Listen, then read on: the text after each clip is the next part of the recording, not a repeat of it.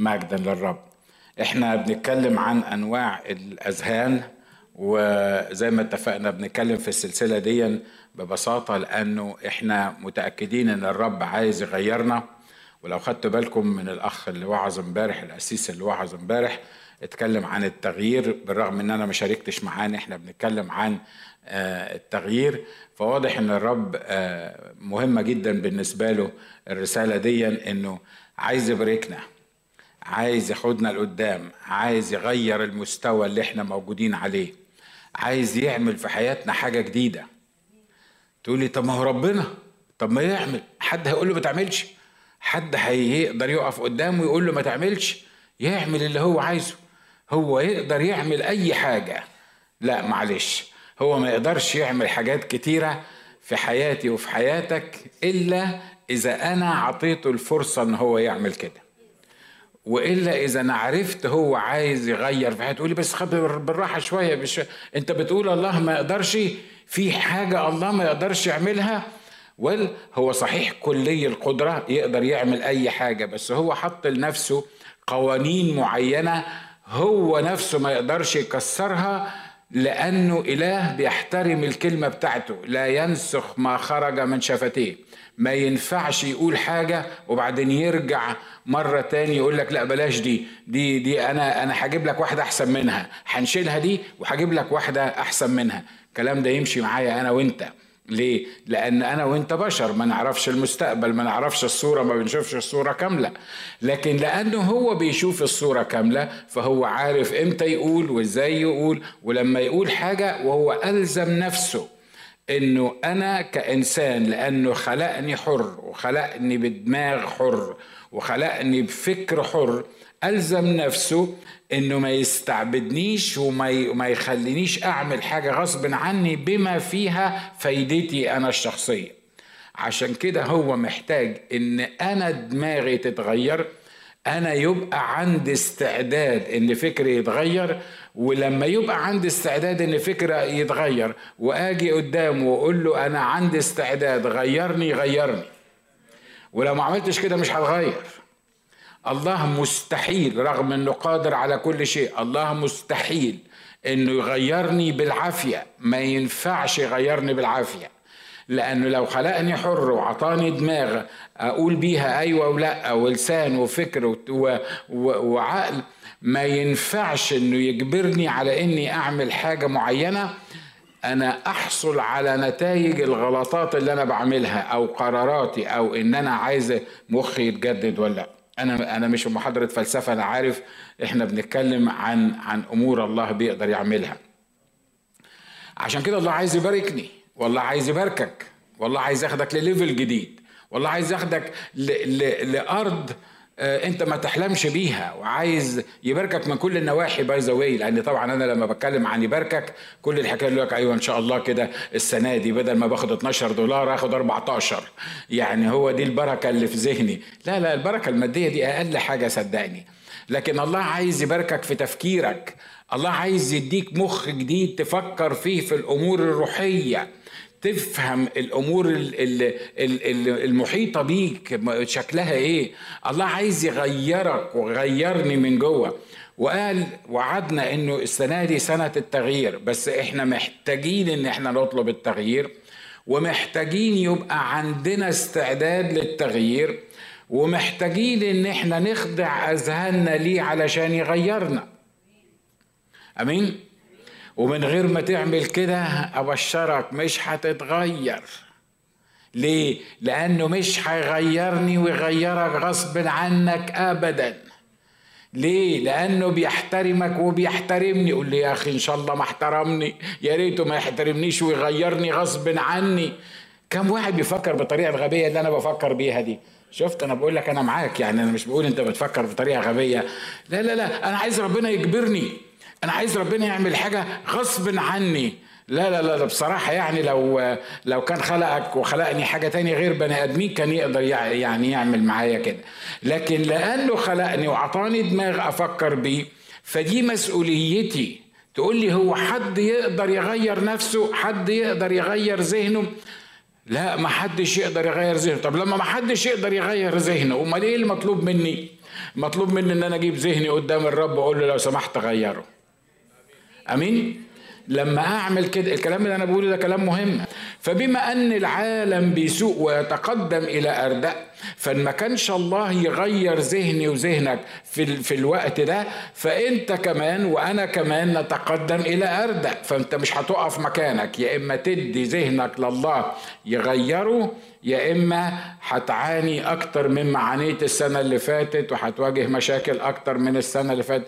تقول لي انت بتخوفني؟ يا ريت اخوفك. يا ريت اعرف اخوفك من على المنبر عشان أنا وانتوا نصحى ونقول يا رب خد ذهني وابتدي اشتغل عليه. اتكلمنا عن الذهن الطفولي واتكلمنا عن الذهن الجسدي وقلنا انه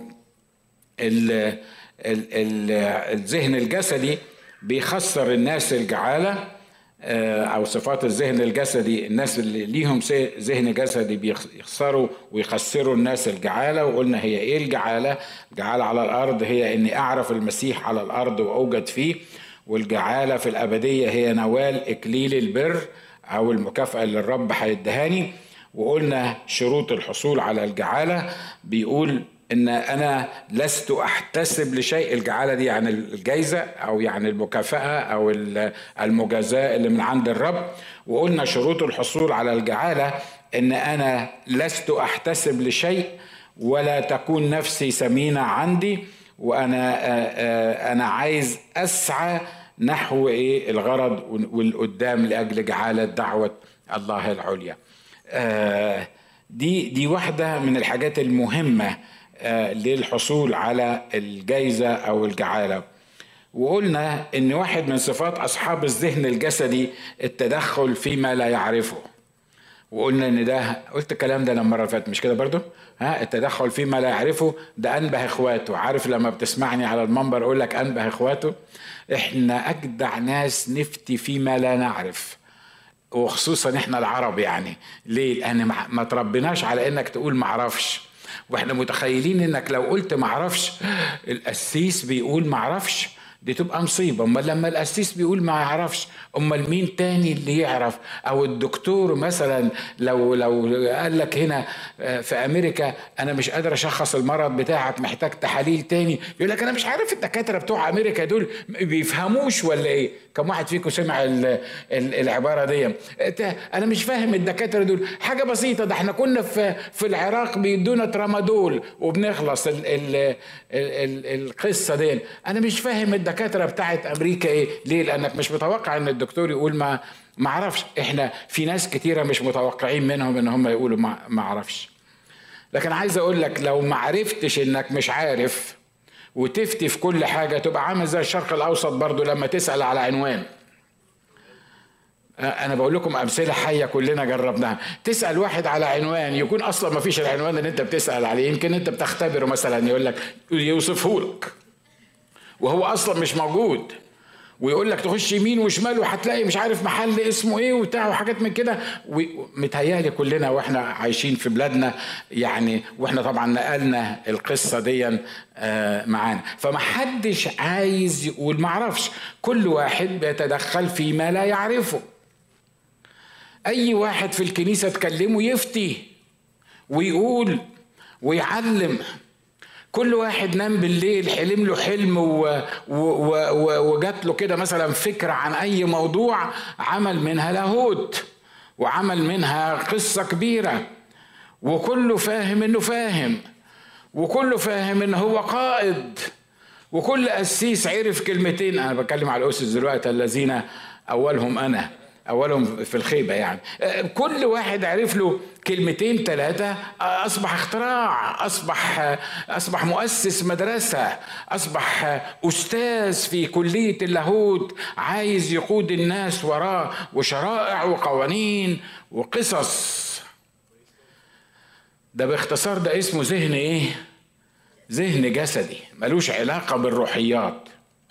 الروحيات هي إني أقعد عند رجلين الرب وأجيب الأمور اللي أنا محتار فيها واللي بيعلموهاني واللي القسيس بيقولها من على المنبر أي قسيس مهما كان هو القسيس مين. الأمور دي تتاخد وتتحط عند رجلين الرب وتتفحص بالروح القدس واللي يقوله الروح القدس بأدلة كتابية كتيرة هو ده اللي أنا أقبله وأمشي عليه و trust my life لده. للأسف إحنا كبشر إحنا عندنا أسماء كبيرة. إحنا عندنا أسماء كبيرة. آه لا ده القسيس ناجي. معقول القسيس ناجي هيقول حاجة غلط من على المنبر؟ مش ممكن. معقول القسيس ناجي يعلمنا تعليم مش مظبوط من على المنبر؟ عايز أقول لك حاجة أنا القسيس ناجي ما اضمنش القسيس ناجي إن ما كنتش قاعد عند رجلين الرب. أقولها لك تاني أنا القسيس ناجي اللي بيتكلم أنا ما اضمنش القسيس ناجي نفسه القسيس ناجي ما يضمنش القسيس ناجي. ليه؟ لأن القسيس ناجي لو لو ما خضعش ذهنه وحياته وتركيزه وطلب الرب من كل قلبه القسيس ناجي ممكن يخرف يقول أي حاجة من على المنبر وللأسف لأن في ناس بتحب القسيس ناجي هيمشي ورا القسيس ناجي من غير تفكير لمجرد إن القسيس ناجي هو اللي قال. واضح اللي أنا عايز أقوله مش كده؟ عشان كده الله عايز يعمل إيه؟ ينظف دماغاتنا ينظف أذهاننا يدينا الذهن الروحي. اللي no matter what مين اللي بيقوله؟ في trick ماشية يعني كتير في الكنيسة من أيام زمان زمان زمان زمان زمان. أي حاجة تطلع يقول لك الآباء. الآباء قالوا كده. الآباء قالوا كده. وكلمة الآباء كأنها كلمة معصومة من الخطأ. وما دام الآباء قالوا كده يبقى أنت لازم تشرب اللي هم بيقولوه الآباء من غير ما تفكر. صح اللي أنا بقوله ده؟ ها؟ من غير ما تفكر. ويجي يقول لك الحلاق اللي بيحلق لي. مرة قاعد عنده قال لي يا دكتور أنا بحبكم كل حاجة هو طبعا عراقي. فقال لي أنا بحبكم بس أنتوا طلعتوا إمتى؟ قلت له إحنا مين؟ قال الانجيليين يعني طلعتوا إمتى؟ أنتوا ما بقالكمش سمعتوا من عائلاتكم الكلام ده مش كده؟ ها؟ عشان ما بقاش أنا بس شعر عشواق لجميل الصوت. أنتوا طلعتوا إمتى؟ أنتوا ما بقالكمش 500 سنة. إحنا بقالنا 1500 سنة. هيجي اللي بقاله 500 سنة يعلم اللي بقاله 1500 سنة؟ قلت له أنتوا ليكم 1500 سنة بتبيعوا الجنة للناس. بعتوا الجنة للناس عملتوا صكوك غفران. قلتوا للناس إن في مطهر. قلت للناس إنك هتروح تتعذب شوية وبعدين بعد ما تتعذب شوية تطلع من العذاب الأبدي تروح النعيم الأبدي. قلت له الناس بتوعك جابوا الكلام ده منين؟ الناس ده مش موجوده قال لي الآباء الكنيسة الأولانية. واضح إن الآباء ممكن يودونا ورا الشمس مش كده ولا إيه؟ على فكرة أنا بحترم الآباء جدا وتعليم الآباء واللي ملوش أب يعلمه تبقى وعيته سودة ليه؟ لأنه لازم يكون في آباء وقديسين وناس ممسوحين بالروح القدس وناس علمونا تعليم تعليم كويس. أبونا زكريا سمعت له آآ آآ يعني حلقة كبيرة عن أسباب ضعف الكنيسة الأرثوذكسية.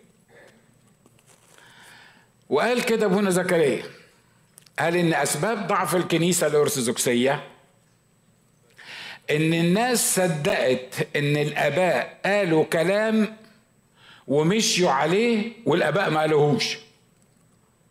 الآباء لما بنتكلم على الناس الأولانيين المحترمين. وبيقول لما ترجع مثلا ليوحنا ذهبي الفم مع إن كل الآباء على يعني في عيني وفي قلبي وبحبهم وحاجات من كده لكنه ما تروت. الآباء الوحيدين اللي أنا أصدقهم وآخد كلمتهم وأمشي عليها اللي قال عنهم الكتاب مبنيين على أساس الرسل والأنبياء ويسوع المسيح وحده حجر الزاوية. آمين؟ وكلام الأباء مهما كانوا يقاس على كلام يسوع المسيح ورسله الوحي المقدس زي ما قال بطرس الرسول كده. بطرس الرسول قال إحنا لمسناه إحنا كنا معاه إحنا عيناه إحنا عشنا معاه إحنا كلنا وشربنا عشنا عشنا معاه عشرة ثلاث سنين ونص.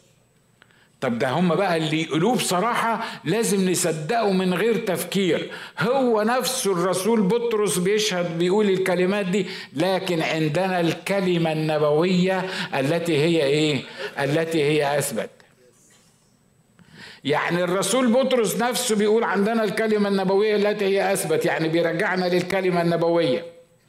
يقوم واحد يحط كلام في لسان الرسول بطرس ويقول لنا الرسول بطرس قال كده وإحنا مطلوب مننا ان إحنا نمشي على اللي قاله الأخ ده عن الرسول بطرس. واضح يا إخوة أخوات إن أصحاب الذهن الجسدي بيتدخلوا متداخلا فيما لم ينظروا. أنا عايز أتبع واحد نظر الكلام ده زي ما قال الرسول بطرس. وعايز أتبع واحد عاش مع المسيح وعايز أتبع واحد الروح القدس استخدمه ساقه. دي ده تعبير كتابي لأنك بيقول لم تأتي نبوة قط بمشيئة إنسان بل تكلم أناس الله القديسين مسوقين من الروح القدس. يعني الروح القدس هو اللي مسيطر عليهم وهو اللي عطيهم الكلمة النبوية التي هي اثبت اللي إحنا بنقدر نفهمها. أنا أحتاج إن أنا أتبع واحد من ده وللأسف دول موجودين في مكان واحد بس. هو كتاب الكتاب المقدس كلمة الله الحية الفعالة الأمضى من كل سيف ذي حدين والذي لا يأتيه الباطل من بين يديه ولا من خلفه. أمين؟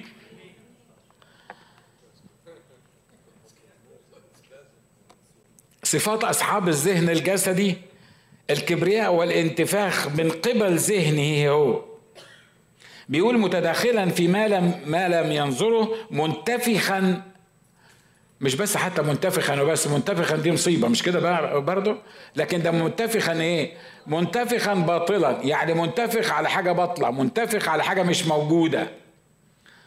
شفت حد كده لما يكلمك تلاقيه منفوخ كده وبعدين يكلمك عن البورصة.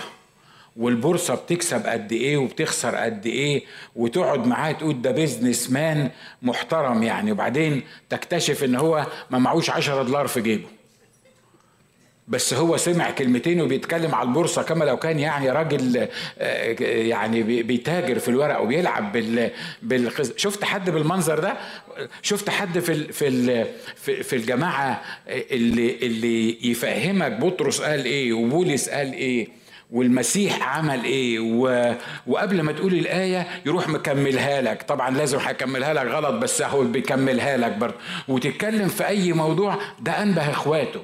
تتكلم في أي موضوع روحي يفهم في الاختطاف ويفهم في المجيء الثاني ويفهم في معمودية الروح القدس. يفهم في أي حاجة في أي حاجة. وهو أصلا ما يفهمش في ولا حاجة. شفتوا ناس بالمنظر ده ولا أنا بس اللي شفت متهيألي إحنا عايشين في في في في العالم اللي إحنا بنتكلم عليه ده كلنا. الجماعة دول أصحاب الذهن الجسدي منتفخ باطلا من قبل ذهنه الايه الجسد.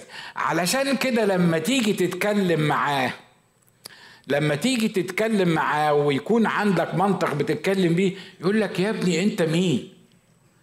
يا حبيبي أنت مين؟ ده فلان قال كذا. انت ما سمعتش الوعظة بتاعت القسيس فلان. انت انت يعني هتفهم أكتر من القسيس. يعني مش معقولة يعني هتكون هتفهم أكتر من ال من من من أي حاجة في أي حاجة.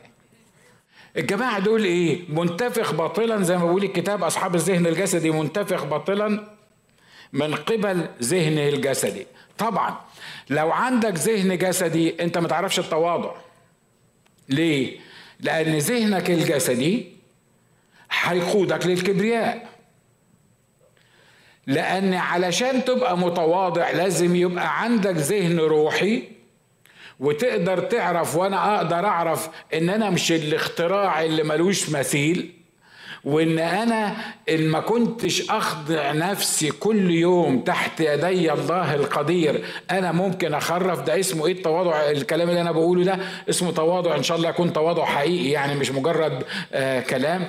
لو أنا ما عنديش تواضع إني أفهم إني ما أعرفش كل حاجة وإني لو حد سألني ممكن في منتهى البساطة أقول ما أعرفش لو ما عنديش تواضع أقدر أفهم الحقائق دي الشيء الطبيعي النتيجة الطبيعية إن أنا هكون منتفخ. مش كده ولا إيه؟ ولما تيجي تكلمني أفهمك إن أنت يا ابني يا حبيبي بقى فوق. إحنا اللي عارفين ال ال ال الأنظمة وعارفين السيستم وعارفين ال الأمور وعارفين الأحكام. عارف الفريسيين؟ الفريسيين والكتبة في في في العهد القديم كانوا يعرضون العصائب ويلبسوا حاجات بأهداب كده. ولما يقفوا يصلوا لازم يوروا كل الناس إن هم بيصلوا. ولما يصوم قبل ما تقرب منه من بعيد يقول لك اللهم إني صايم عشان تعرف إن أنا صايم. فأنا صايم وأنا اللي بصلي وأنا اللي عارف وأنا بتاع الناموس وأنا القادر وأنا اللي فاهم كل حاجة. لما يقف يصلي بقى الراجل الفاهم ده المفروض يعمل إيه؟ يعني يقول له أشكرك لأنك فهمتني لأن المفهومية هي منك والعقل منك والمعلومات منك.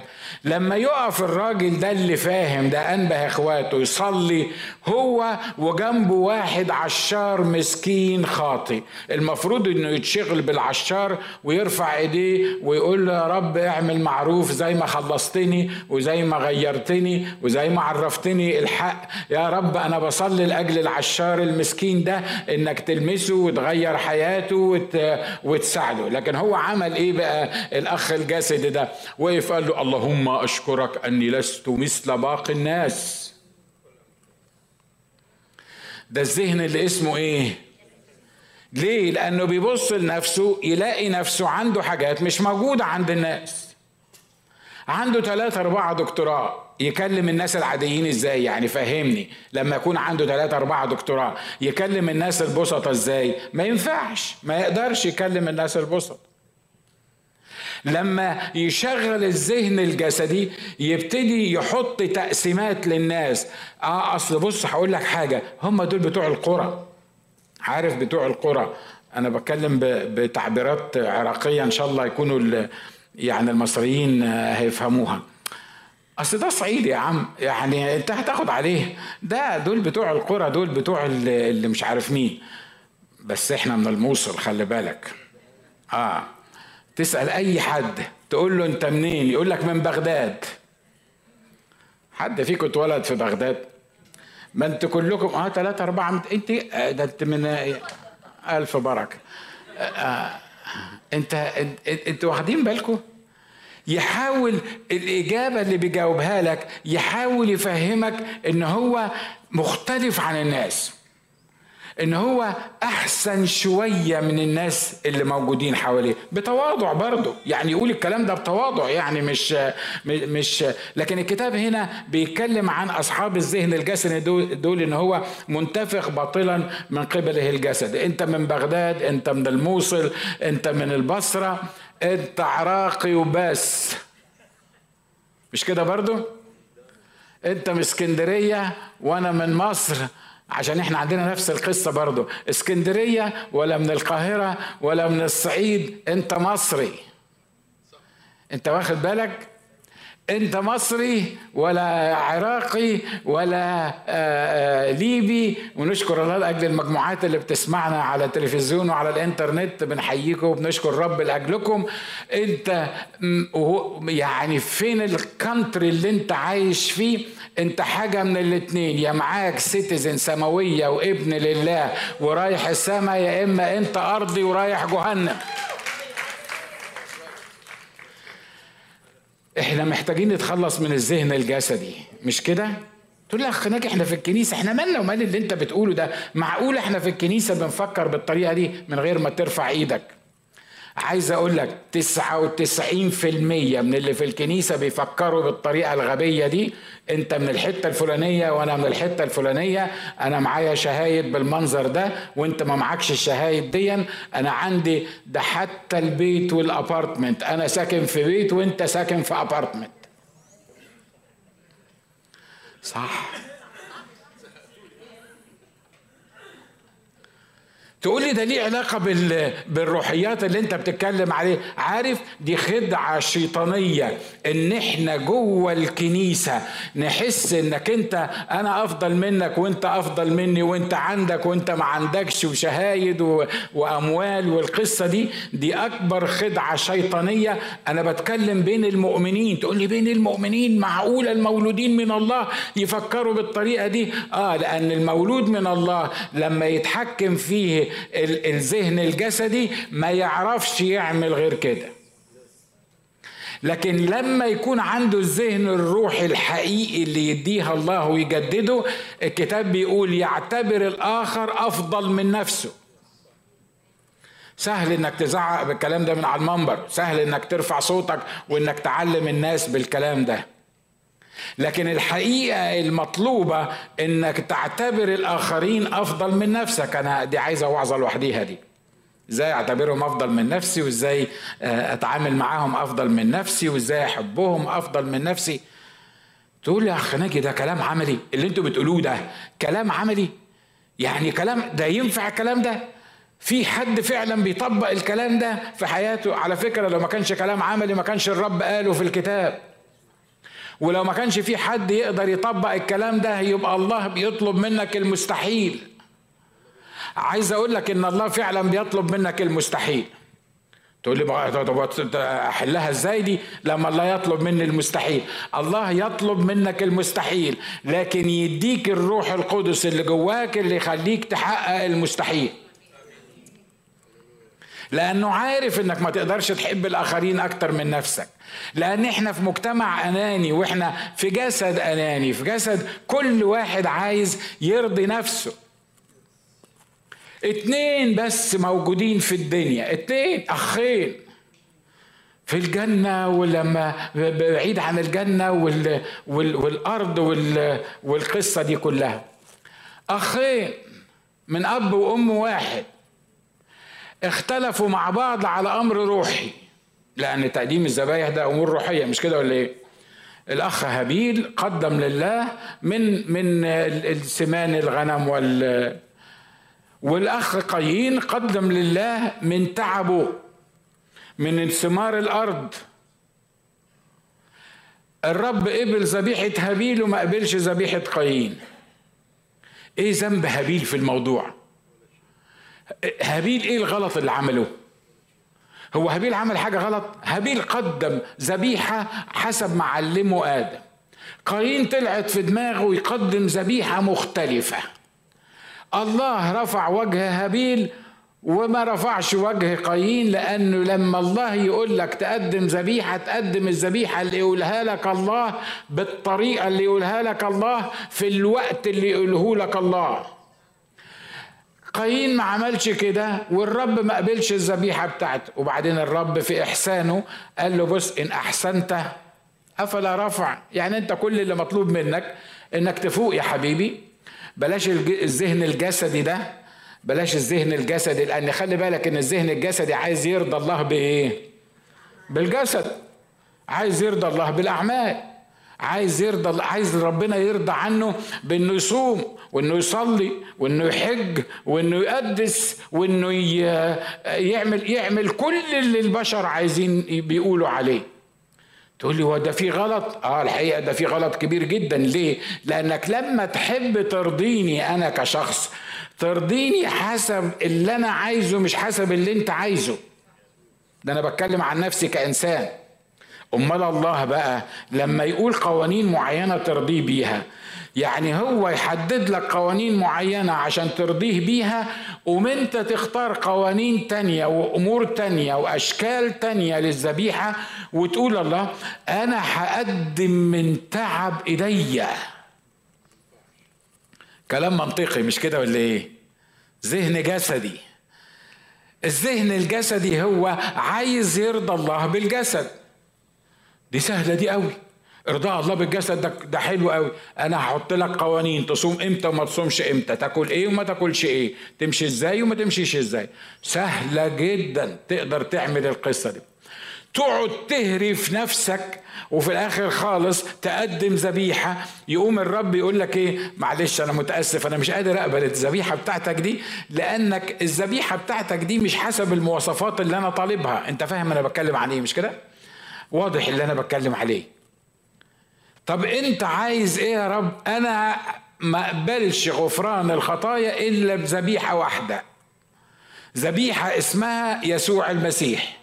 الذي قدم نفسه لله ذبيحة كفارة لأجلنا. يعني واحد قاعد عامل كده وسمعني دلوقت سواء كان هنا في الكنيسة أو على التلفزيون أو في الإنترنت. وقال يا رب يا يسوع أنا عايزك تغفر لي خطيتي. يا الله الآب أنا عايزك تغفر لي خطيتي على حساب دم الرب يسوع المسيح. الله يغفر له خطيته؟ طب واحد بقاله ثلاث سنين صايم وبيدفع في الكنيسة وبيروح وبيجي وبيسوي البدع عشان يرضى الله. وجاي جايب الحاجات دي كلها قدام الله ويقول له شفت أنا عملت لك إيه؟ أنا تعبت في الأرض زرعتها وجايب لك من ثمار الأرض. عدل إن الله يرفض الراجل اللي تعب وهلك ومشي على القوانين دي كلها. ده عدل برضو حسب المنطق الجسدي والذهن الجسدي. طبعا إيه؟ لا طبعا مش عدل مش كده ليه عشان كده قايين سقط وجهه. لكن أنا عايز أقول لك حاجة. الجسم الفاسد الجسد الفاسد كل ما يخرج من هذا الفاسد فاسد. أمين؟ لأن حاجة فاسدة ما تنفعش تطلع حاجة عدلة ولا إيه؟ الجسد الفاسد بتاعي وبتاعك ما ينفعش يطلع حاجة عدلة لأن هو أصلا جسد فاسد. عايز الفاسد يطلع حاجة مش فاسدة؟ ما ينفعش لأنه هو اوريدي فسد. الجميع زاغوا فسدوا ليس من يصنع صلاحا ليس ولا إيه؟ ليس ولا واحد. الله أمال إيه القصة؟ أمال أمال أمال نرضي الله إزاي؟ ترضى الله بطريقه الله. ترضى الله حسب قوانين الله. تقول لي بس قوانين الله ما, ما تتناسبش مع المنطق الجسدي بتاعي المنطق البشري بتاعك. وإمتى كانت قوانين الله المفروض تتناسب مع المنطق البشري ولا المنطق الجسدي؟ لأنه الله فقوانينه والمنطق بتاعته تبقى إلهية سماوية أنا وأنت نطيعها وملناش دعوة هو بيطلب إيه؟ اللي يقوله أنفذه. أنا قادر بالروح القدس كده أشرح لك الفرق بين المنطق الجسدي والمنطق الروحي. المنطق الروحي بيقول تعالى للرب يسوع المسيح. ما تعملش أعمال صالحة لأنك مش هتقدر تعمل. على فكرة لما تعمل أعمال صالحة وأنت خاطي ربنا هيكافئك عليه. بس أنا بقول لك يعني على المنطق البشري يعني. آه ليه؟ لأن الله لأن الله عادل. مش كده ولا إيه؟ الله عادل تعمل حاجة كويسة هيدي لك المكافأة بتاعتها.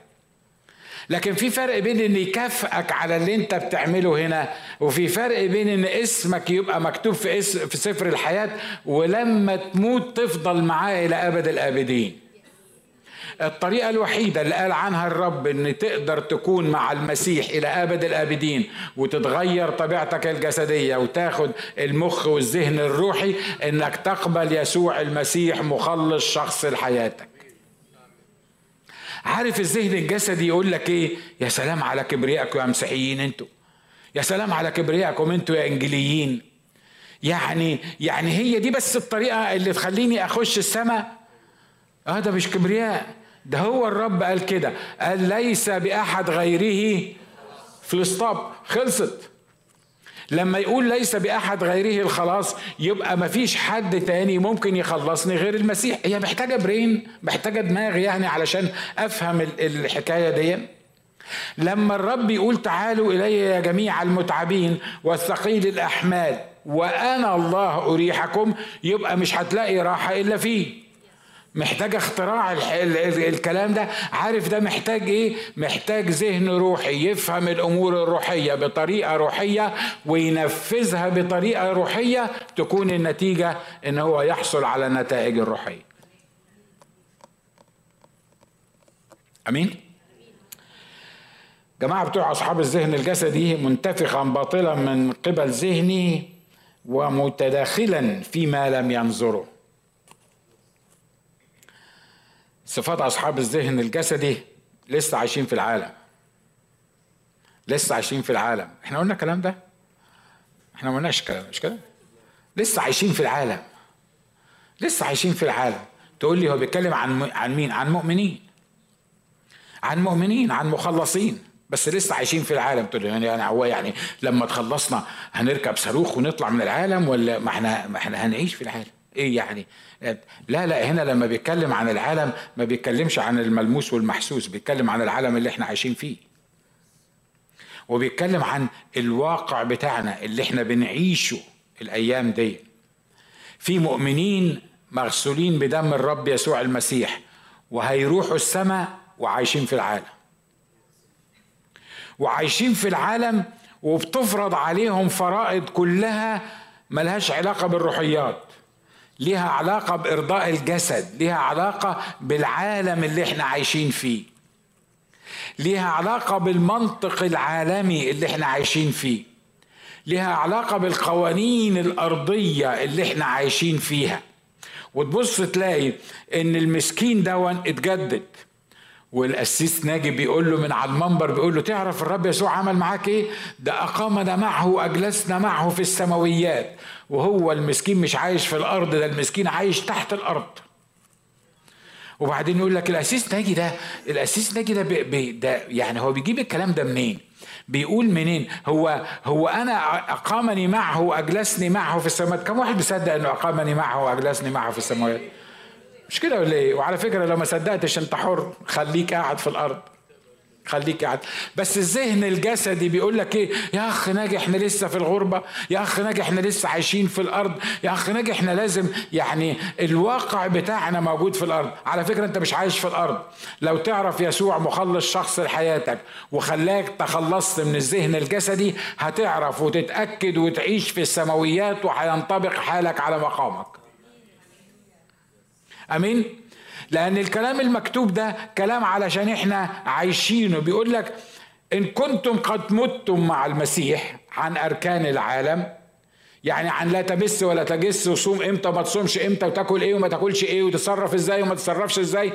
لو كنتم متم قد متم مع المسيح عن أركان العالم فلماذا كأنكم عائشون في العالم؟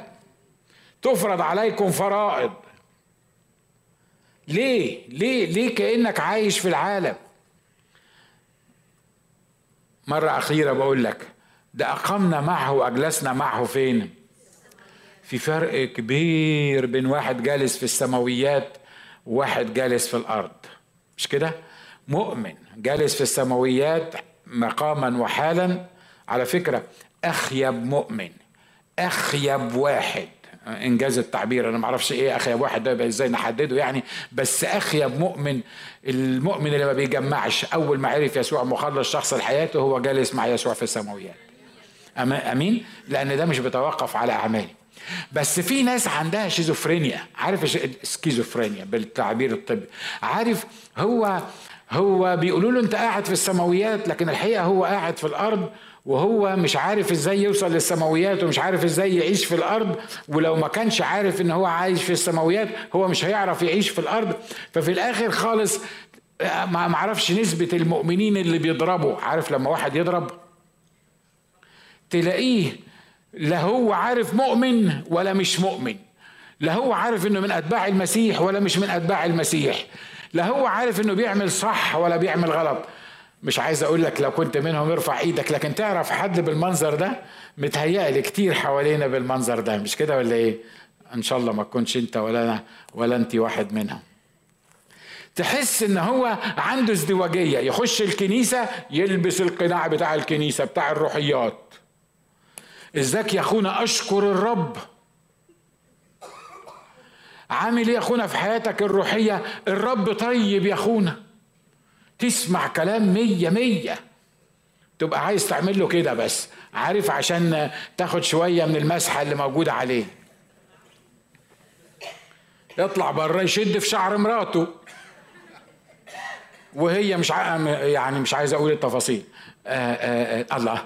هو هو مش هو ده اللي كان من شوية بيقول نشكر الله والرب طيب والرب جاي يا أخونا وطالبين ومنتظرين سرعة مجيئه وكلام كبير كلام كبير بيتقال. وإحنا طبعا بيضحك علينا لأن إحنا في الجسد وما بنبقى يعني ما بنبقاش عارفين مين اللي بيقول إيه وده مش موضوعنا يعني إن إحنا نحكم فيه. يا إخوة اخوات الذهن الروحي يخليك تتصرف بطريقة روحية في الكنيسة وبطريقة روحية بره الكنيسة. الذهن الجسدي يخليك تتصرف بطريقة شبه روحية لأنك ما تقدرش ما نقدرش نقول عليها روحية شبه روحية شكلها روحي تبان إنها روحية في الكنيسة لكن لما تطلع بره الكنيسة تقول الحمد لله خلصنا من الناس اللي, اللي بيراقبونا دول واللي عايزيننا نتكلم بطريقة معينة ونتصرف بطريقة معينة ويبان بقى الموضوع على حقيقته. أمين؟ تمشي في منطق العالم تلاقي نفسك ليترالي عندك ازدواجية في الشخصية. مش عايز أقول لك شفت ناس من دول ولا لأ عشان ما تخبطش فيك. لكن تلاقي عندك ازدواجية في الشخصية. وعلى فكرة الازدواجية في الشخصية دي مصيبة كبيرة. ده مصيبة نفسية ومصيبة روحية وأنا بتكلم من الناحية الروحية مش من الناحية بس الجسدية النفسية. حاجات كتيرة من الحاجات اللي بيعجبوني في الأمريكان. الأمريكان واضحين. هو مش مقتنع باللي أنت بتقوله بيلبسها لك في وشك كده. تقول له تعالى الكنيسة يقول اللي عايزه. بس مشكلة من ضمن المشاكل بتاعتنا كعرب وخصوصا في الكنيسة إن إحنا بنحاول نحافظ على شكلنا الروحي. أنا بتكلم كلام مهم. حبيبي شكلك الروحي قدامي مش هيفرق كتير. ليه؟ أتخدع فيك مفيش مشاكل. أو أفهمك على حقيقتك مفيش مشاكل. بس مش أنا اللي هوديك السماء ومش أنا اللي هعيشك صح. لكن شكلك الروحي قدام الروح القدس وقدام الله هو ده اللي متر آمين؟ وأنت بتعمل التكسات بتاعتك ده موضوع جانبي لأن كان في عليه نقاش يعني. أنا مش هراجع ال ال الورق بتاعك وأنت عملت كام وما عملتش كام ودفعت تاكسات ولا ما دفعتش تاكسات ولا ولا هربت من من ده ولا من ده. أنا مش بكلم على حد أمام الرب بس أنا بدي لك مثل يعني بيجي على دماغي. أنا مش هعرف الورق ده لكن الورق ده في واحد شايفه. ممكن أسمي لك عشرين حاجة بنعملها. مؤمنين؟ آه مؤمنين. وبنعمل كده؟ وبنعمل كده. أنا هخلص النقطة دي وخلاص. ده الذهن اللي اسمه إيه؟ الذهن الجسدي اللي لسه اتجدد وعايش في العالم. عرف يسوع وفي الوقت نفسه عايش في العالم. آخر حاجة أقولها لك إن أصحاب الذهن الجسدي بيتمسكوا بوصايا الناس اللي لا قيمة لها من إشباع البشرية. بيقول إذ كنتم قد متم مع المسيح عن أركان العالم فلماذا كأنكم عايشون في العالم تفرض عليكم فرائض لا تمس ولا تزق ولا تجس؟ التي هي جميعها للفناء في الاستعمال. يعني لا تجس ولا تمس وتاكل وتشرب وتعمل وحاجة دي كلها للفناء مش هتستفيد بيها حاجة. حسب وصايا وتعاليم الإيه؟ وتعليم الناس التي لها حكاية حكمة بعبادة نافلة وتواضع وقهر الجسد ليس بقيمة ما من جهة إشباع الإيه؟ البشرية. تقول لي تقول لي أخ ناجي الكتاب هنا بيقول التي لها حكاية حكمة. بعبادة نافلة عبادة نافلة يعني عبادة سابقة منتهية. وتواضع وقهر الجسد. ليس بقيمة ما من جهة إشباع البشرية. عايز يقول إيه الموضوع ده؟ تقول لي أخ ناجي مش في العهد القديم بس أنا يعني يعني ركز معايا كده. مش في العهد القديم يا أخ ناجي. كان الرب بيقول لهم ده نجس وده مش نجس. ده تاكله وده ما تاكلوش.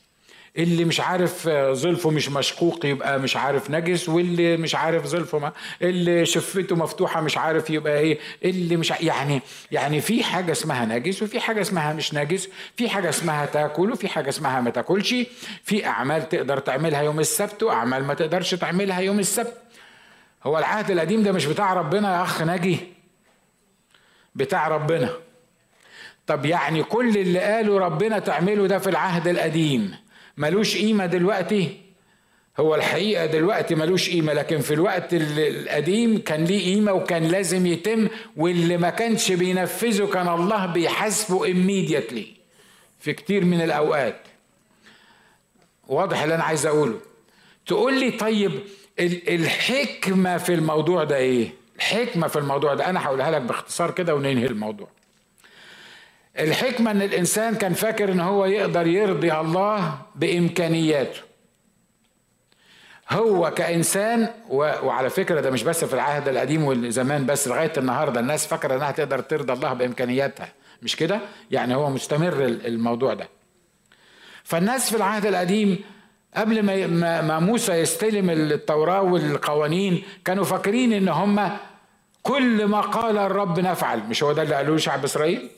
كل ما قال الرب نفعل مش هتقدروا تعملوا الحاجة كل ما قال الرب نفعل اللي يوصي بيه هنعمله كم واحد حفظ الناموس ولا واحد.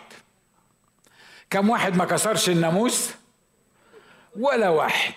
الجميع زاغ وفسد فالله قال لهم إيه؟ طب إحنا هنتفق على اتفاق دلوقتي. أنا هنزل لكم شوية قوانين بسيطة. في حاجات نجسة ما تاكلوهاش وحاجات ما تعملوهاش وقبل ما تاكلوا لازم تغسلوا ايديكم وقبل ما مش عارف تعملوا إيه لازم تسووا إيه وتاكلوا إمتى وما تاكلوش إمتى وت... وصايا تقدروا تعملوها.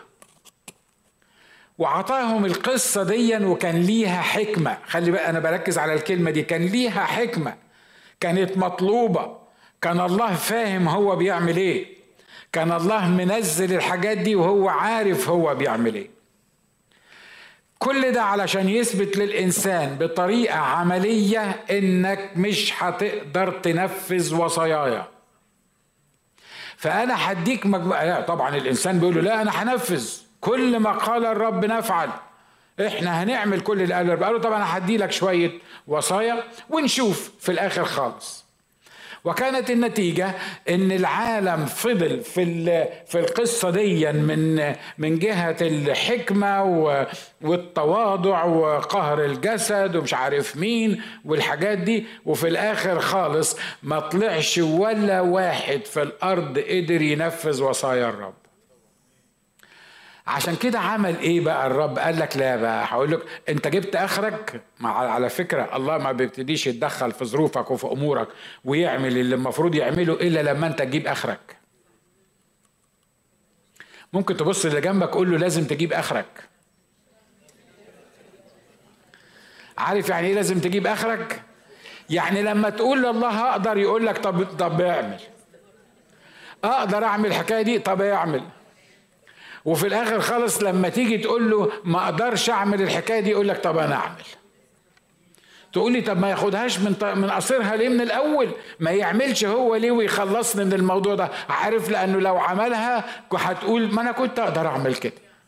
ما أنا كنت أقدر أنا حكيت لكم يمكن الحكاية دي قبل كده. كان عندنا واحدة أخت زي السكر ست كبيرة في في لوس أنجلوس.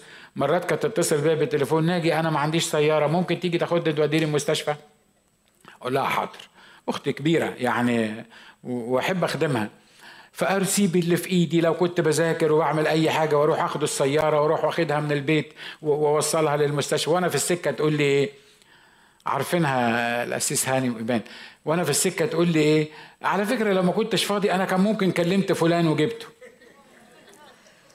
يعني ست كبيرة وسبتها مرة واثنين وثلاثه وعديت الحكاية دي يعني ست كبيرة بقى بتاع جت في مرة كنت مزنوق مزنوق الحقيقة وتعبان ومش قادر وبعدين لما اتصلت بيا قلت لا الرب بيقول إنك لازم تخدم الآخرين فلازم تقوم تخدم الآخرين وسبت العيال وسبت المذاكرة وكل اللي بعمله ورحت وأنا في السكة عمال أصلي بقول يا رب بلاش الست دي تقول لي الجملة دي. قبل ما توصل المستشفى قالت لي أنا متشكرة قوي على تعبك معايا هو لو أنت ما كنتش جيت أنا كان ممكن كلمت فلان كان جابني. رحت باصص لها كده قلت لها آخر مرة تكلميني بالتليفون وتقولي لي أساعدك لو كان في فلان ممكن يساعدك لأن أنا مش فضيلك أنا باجي على أساس إن أنت محتاجاني. إيه علاقة القصة دي باللي أنا بقوله؟ عارف ربنا سابك تلبس في الحيط وسابني ألبس في الحيط وخلاني يعني يعني سابني أعمل كل اللي أنا عايزه. أحاول أرضيه بالجسد وأحاول أنفذ قوانينه وأحاول أبطل خطايا بكل الإمكانيات. واقف هو كأنه بيتفرج عليا ما يعرفنيش. عارف ليه؟ عشان ما تعملش زي الست دي وتقول لي أنا كان ممكن طلبت من فلان عمل. أنا أقدر كنت أعمل الحكاية دي من غيرك. عشان لما جيله أعرف إن مفيش طريقة تاني لاصلاحي كإنسان إلا يسوع المسيح. عشان لما جيله أعرف إن أنا زايغ وفاسد ومفيش حد يقدر ينقذني من اللي أنا فيه إلا عمل يسوع المسيح على الصليب. وعلشان لما اجيله بالاتيتيود ده واجب الانكسار ده واجب التواضع ده وأنا عارف إن الكتاب بيقول بدوني لا تستطيعون أن تفعلوا شيء مش بس في موضوع خلاصي حتى في حياتك وحياتي اليومية العادية اللي إحنا ماشيين فيها. اوعى تفكر إنك تقدر تعمل حاجة في أي مجال من المجالات من غير يسوع المسيح. اوعى تفكر انك صاحب قرار وتقدر تنقل من الحتة دي للحتة دي. ما اقصدش حد امام الرب هي جت كده. لأن أنا عارف ان في ناس بتحاول تنقل وتحاول تعمل. اوعى تفكر انك تقدر تعمل اي حاجة من غير يسوع المسيح.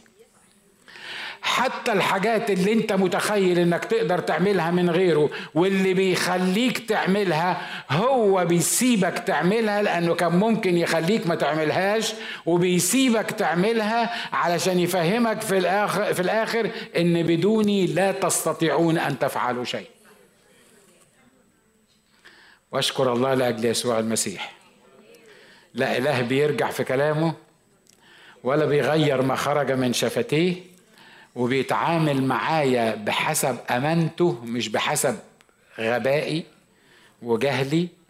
بيتعامل معايا لأنه هو أمين لأنه هو صالح. عشان كده وإحنا بنرنم ليه بقول له أنت صالح للأبد. كم واحد يشهد إن الرب صالح؟ الرب صالح وإلى الأبد رحمته. حتى في الأمور اللي إحنا مش فاهمينها حتى في الأمور اللي بتحصل معانا وإحنا مش واخدين بالنا منها حتى في الأمور اللي إحنا بتحيرنا وبنقول له ما تدخلتش ليه وما عملتش ليه وما سويتش ليه هو صالح وإلى الأبد رحمته. تعالوا نقف مع بعض وقول يا رب بشكرك وبسأل يا رب إنك أنت تخلصني من الذهن الجسدي ده من التفكيرات الجسدية من الطريقة الجسدية من إن أنا أفكر إن أنا اللي قادر أمشي نفسي أو أنا قادر آخد قراراتي أو أنا اللي قادر أعمل حاجة معينة. يا رب أنا عايز أخضع ذهني. صلي معايا الكلمات دي. قول أنا عايز أخضع ذهني ليك. أنا عايز ذهني يبقى خاضع تحت أمرك تحت لمستك تحت قوتك تحت عملك. يا رب أنا عايز إنك أنت اللي تكون مسيطر على حياتي. أنا بتكلم كناجي اللي واقف على المنبر اللي بيوعظ إخواته بالروح القدس. وبقول لك كتير اعتمدت على ذهن الجسدي. أنا ناجي اعتمدت على ذهن الجسدي. اعتمدت على الحكمة البشرية الإنسانية. اعتمدت على على امكانياتي الطبيعية اللي عطتهاني. وكنت متخيل إني همشي المركب وهسير الدفة. لكن في كل مرة اعتمدت فيها على ذهن الجسدي. اكتشفت إني مش قادر ومش نافع. لكن كل مرة جيت لك فيها وقلت لك اخضع ذهني لجلالك. كل مرة جيت لك فيها وطلبت من الروح القدس إن يديني معرفة روحية من عرشك. ولا مرة ضليت فيها. ولا مرة ندمت عليها.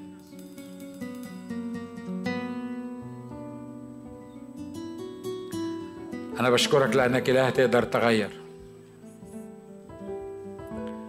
مش بس تغير القلوب الحجرية إلى قلوب لحمية لكن تغير الذهن الجسدي إلى ذهن روحي.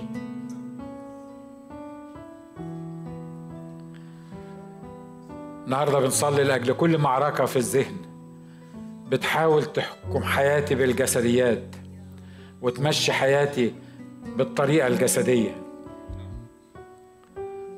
بصلي تحرير ليا ولإخواتي في اسم الرب يسوع المسيح. تحرير بالروح القدس من الذهن الجسدي. وإلقاء لكل رجائنا على شخصك. حتى لو ما كناش فاهمين يعني إيه ذهن روحي لكن إحنا بنطلب منك إنك أنت تكون مسيطر على ذهني. وإنك تملى ذهني بالروح القدس. تملى حياتي وتملى قلبي وتملى كياني بالروح القدس تخليني أخضع ذاتي